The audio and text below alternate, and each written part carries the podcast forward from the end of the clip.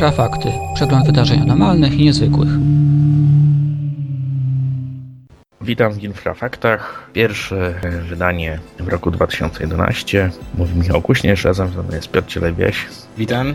No właśnie, pierwsze wydanie, a jeszcze nam się nagromadziło troszkę e, wiadomości z, e, z zeszłego roku 2010, który dopiero co minął i o nich powiemy i jeszcze przy okazji e, zaproszę Państwa na oddzielną audycję, która będzie poświęcona podsumowaniu roku 2010, gdzie postaramy się przybliżyć te wszystkie przypadki, o których żeśmy mówili i pisali w nieco bardziej rozwiniętej formie, a dzisiaj powiemy tylko o tych wydarzeniach, które e, miały miejsce w e, ostatnich kilku, kilkunastu dniach roku 2010. Powiemy o pewnej plotce, która obiegła internet w ostatnich kilkunastu dniach minionego roku. Powiemy też o odtajnieniu akt dotyczących zjawiska UFO w Nowej Zelandii i jeszcze wspomnijmy o rocznicy obserwacji UFO w lesie Rendlesham w Wielkiej Brytanii. No właśnie nastrój jeszcze mamy noworoczny, także możemy zacząć od tego lżejszego tematu, a nawet bym powiedział humorystycznego, dlatego że od kilkunastu dni internet obiega informacja o tym, że do Ziemi z pogranicza naszego układu e, słonecznego. Zbliżają się trzy ogromne obiekty, które e, prawdopodobnie są statkami kosmicznymi, które mają zwiastować, no w zasadzie nie wiadomo co, albo apokalipsę, albo ten ostateczny kontakt z obcą cywilizacją. No, teorii się mnoży. Sprawa jest niezwykle poruszająca dla wielu. E, my mamy temat dotyczący tego na forum który mm, odwiedzany jest przez setki osób i, i, tam pojawiły się też setki wypowiedzi, e, poczynając od takich, z czym właściwie mamy do czynienia, sprawiło wyjaśnienie, jak też e, takie mówiące o tym, że tak naprawdę mamy do czynienia ze bzdurą i oczywiście tak jest, co żeśmy postarali się na forum wyjaśnić, ale to nie wszystkim wystarcza.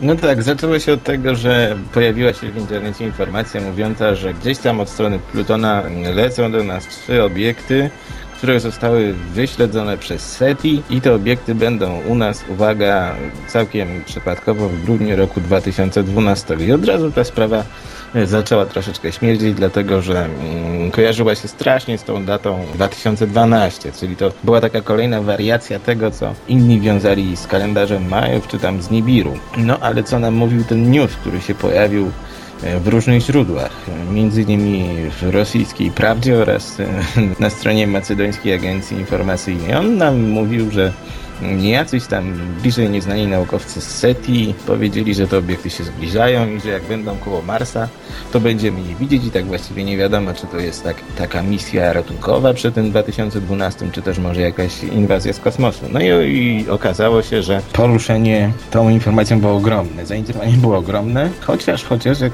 wkrótce odkryliśmy, ta informacja była um, nie nowa. Mhm. Ona tak eksplodowała w okolicach świąt, natomiast ona sama pochodziła z października. Natomiast jej korzenie, jak nam się udało odkryć, czego nikt nie zauważył, tkwią w wypowiedzi pewnego pana, który się para sensacją i jakimiś tam teoriami spiskowymi z lutego 2010 roku. I tam tak. właściwie są wszystkie, wszystkie informacje i mm, możemy powiedzieć, że ta plotka została oparta właśnie na tym, że ten pan powołuje się na jakieś tam mm, anonimowe źródła w SETI Natomiast oczywiście żadnych potwierdzeń nie ma. Te obiekty wyglądają dość dziwnie. No. Niektórzy tam mówią, że można sobie je nawet wyśledzić mm, przy pomocy jakiegoś programu, no ale oczywiście mm, to wszystko jest zbyt dużym zbiegiem okoliczności, który się wiąże z tym fenomenem mm, tutaj w dużym cudzysłowie roku 2012 i z takimi zapowiadanymi inwazjami kosmitów, któryśmy mieli do czynienia już w tym roku. Niestety nic się nie wydarzyło. Także prawdopodobnie mhm. jest to kolejna taka internetowa plotka, którą zapomnijmy za bardzo krótko, dopóki nie pojawi się nowa. No tak, ale warto to zauważyć, jak ludzie oczekują na tego typu informacje i to świadczy o tym to ogromne zainteresowanie, jakim się cieszy ten temat i chociażby te wszystkie wypowiedzi pojawiające się na naszym forum. Chyba ludzie w jakiś sposób e, oczekują czegoś przełomowego, czegoś, co by potwierdziło pewne e, czasem zupełnie niesamowite i niedorzeczne teorie. No tak, to jest takie troszeczkę dziwne, że te pogłoski o końcu świata, Armagedonie są zwykle bardzo popularne. Nawet jeżeli to są jakieś mm, zupełnie durnowate proroctwa, które jest w stanie wymyślić każdy, nie jakiś tam zawodowy jasnowic, to one zwykle są bardzo popularne, zyskują sobie duży poklask, natomiast no wiadomo, że nie, niewiele osób w to wierzy i niewiele to ma wspólnego z prawdą, także Myślę, że warto to badać nawet ze strony socjologicznej, dlaczego ludzie tak bardzo chcą jakichś znaków końca świata czy inwazji z kosmosu, bo to jest dla mnie osobiście przedziwne. No tak, a jeszcze ciekawe jest to, że tak naprawdę takie informacje są bardzo łatwe do zweryfikowania no, i do sprawdzenia. Wystarczy sobie na przykład wejść na stronę SETI, na którą ten e, news się powołuje, gdzie o niczym takim nie ma mowy troszeczkę czasu i szperania w różnych e, źródłach może właśnie doprowadzić do tego, że dojdziemy do tego, skąd to tak naprawdę się wzięło. I o tym piszemy na forum. A teraz może przejdźmy do troszkę bardziej poważnego tematu, aczkolwiek związanego z UFO, bowiem kilka dni temu archiwa nowozelandzkie postanowiły opublikować materiały dokumenty związane z rejestracją e, nieznanych obiektów latających, e, to miało już nastąpić wcześniej, bo było to zapowiadane kilka razy, jednak było wstrzymywane przez e, nowozelandzkie siły zbrojne ze względu na, jak to mówiono, weryfikację pewnych danych, nie chciano publikować danych świadków itd. Tak jednak ostatecznie to zostało opublikowane właśnie pod koniec grudnia i możemy tam się zapoznać z różnymi materiałami, bodajże jest to ponad 2000 stron dokumentów, e, a przede wszystkim najciekawsze są te dotyczące słynnych incydentów, jak Skykura. E, Masz rację, no to jest kolejne ujawnienie jakiejś tam porcji materiału. Oczywiście w tym nie ma żadnych konkretów, bo mamy, to, mamy tu jedynie relacje na temat różnych wydarzeń, ciekawszych lub mniej ciekawych, tą Kajkurą, jak powiedziałeś, e, na pierwszym planie. Mm, przypomnijmy, że w tym roku Podobne akty opublikowało e, kilka innych krajów, innymi kolejne części mm, wydała Wielka Brytania, natomiast w tych nowozelandzkich aktach znajdziemy jak zwykle to co w innych, czyli opisy jakichś tam obserwacji. Oczywiście najciekawsze to są te, które są potwierdzone mm, zarówno przez obserwacje naocznych świadków, jak i jakieś tam rejestracje radarowe. I ta Kajkura, która miała miejsce w roku 78 należy do takich incydentów. Tam, mm, przypomnijmy, zarejestrowano ten obiekt na radarach. Mm, a następnie ekipa i załoga pewnego samolotu, na którym znajdował się reporter telewizyjny, uchwyciła te, te tańczące światła wokół ich maszyny rzeczywiście jest to ciekawe, natomiast y, trzeba sobie jak zwykle zadać pytanie, co tam, jak, jaka jest wartość tych akt dla potwierdzenia nam realności fenomenów. Otóż jest taka, że tych relacji jest na tyle dużo, jeżeli się chce, oczywiście chce je zbierać, że one rzeczywiście mogą nam mówić o występowaniu pewnego rzadkiego zjawiska, o którym mało co wiemy. Natomiast otwarcie nikt nie mówi skąd ono pochodzi. Ono ma formę niekiedy jakichś tam, prawda, spotkań z dziwnymi obiektami, które przypominają twory techniki, natomiast w innych mm, mogą być to przypadki przypadki spotkań ze zjawiskami naturalnymi, jakimiś pogodowymi, rzadkimi pogodowymi zjawiskami, czy też złudzeniami optycznymi. Także warto zawsze mieć to na uwadze, kiedy się mówi o tych odtajnianych ufaktach. Mhm. Tak, no każdy może się zapoznać e, z tymi dokumentami i wyciągnąć swoje własne wnioski. A tym bardziej, że to nie pierwszy kraj, który e, ujawnia e, tego typu dokumentację. Już nie raz żeśmy o tym mówili. Tutaj Nowa Zelandia dołącza właśnie do grupy tych państw, które się na to zdecydowały. Na koniec powiedzmy jeszcze parę słów o 30. rocznicy obserwacji, czy też lądowania wręcz, można powiedzieć, w lesie Rendlesham w Wielkiej Brytanii. My żeśmy już o tym pisali i teraz żeśmy parę dni temu umieścili kolejny artykuł tego dotyczący, dlatego że w związku z tą 30. rocznicą zapowiadano pojawienie się nowych faktów, może nowych dokumentów, nowych relacji świadków. Tak w zasadzie e, nic takiego nie nastąpiło, aczkolwiek ukazało się kilka interesujących materiałów, artykułów, które publikujemy, e, które starają się podsumować ten cały przypadek i, właśnie to prezentujemy między, e, między innymi artykuł Nika Popa, który swego czasu z ramienia brytyjskiego Ministerstwa Obrony zajmował się e, dokumentacją związaną z UFO. No tak, a dlaczego ten przypadek tego lasu Rendlesham jest taki ważny? Dlatego jest taki ważny, że doszło tam w zasadzie do czegoś przedziwnego i kuriozalnego, bo nastąpiło tam no, naruszenie strefy powietrznej nad e, Wielką Brytanią.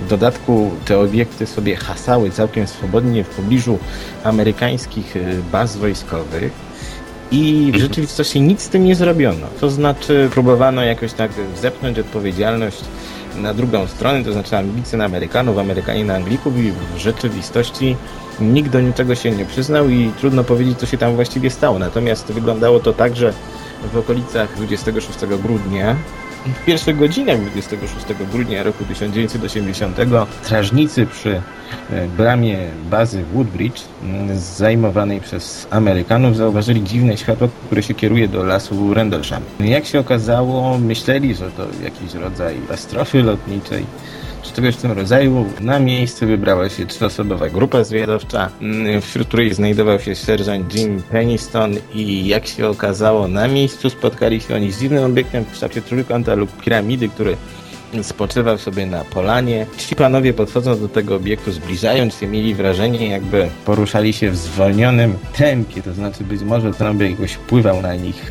na ich psychikę, tudzież na zachowanie.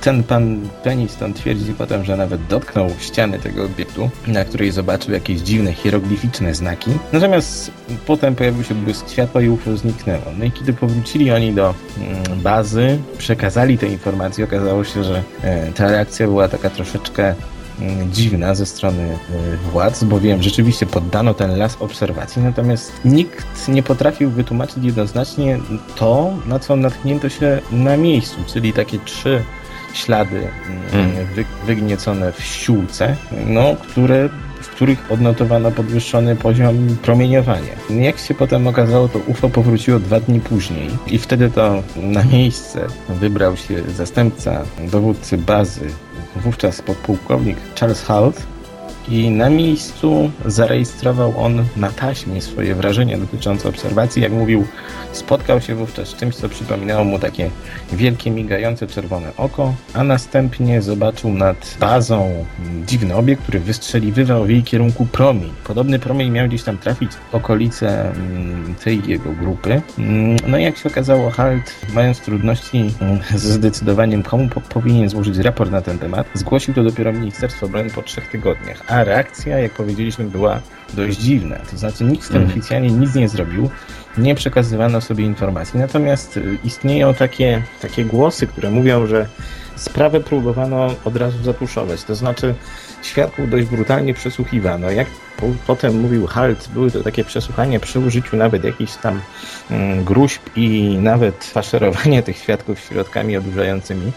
Mm, Wszystko zostało tak zapętlone, że trudno powiedzieć, co się tam dzisiaj stało. No mówi się, że mogło, mogło być to jakieś UFO, Inni mówią, że mogły być to jakieś e, radzieckie obiekty, które się wdarły do bazy i próbowano to zatuszować, bowiem zrobiły to z wielką łatwością. Inne teorie również się pojawiły. Ja zachęcam wszystkich do zapoznania się z naszymi artykułami, w tym z tym artykułem Nika Połupa, który przekazał nasz nam znajomy z Wielkiej Brytanii Filip e, Mantle, którego pozdrawiamy. No i myślę, że to nie jest jeszcze mm, koniec tej sprawy. Po, postaramy się poruszyć kilka innych aspektów w następnych tygodniach, no i będziemy o tym informować na bieżąco. Tak, w tych artykułach, o których wspomniałeś, e, dosyć szczegółowo jest opisane całe to zdarzenie, także zachęcamy e, do zapoznania się.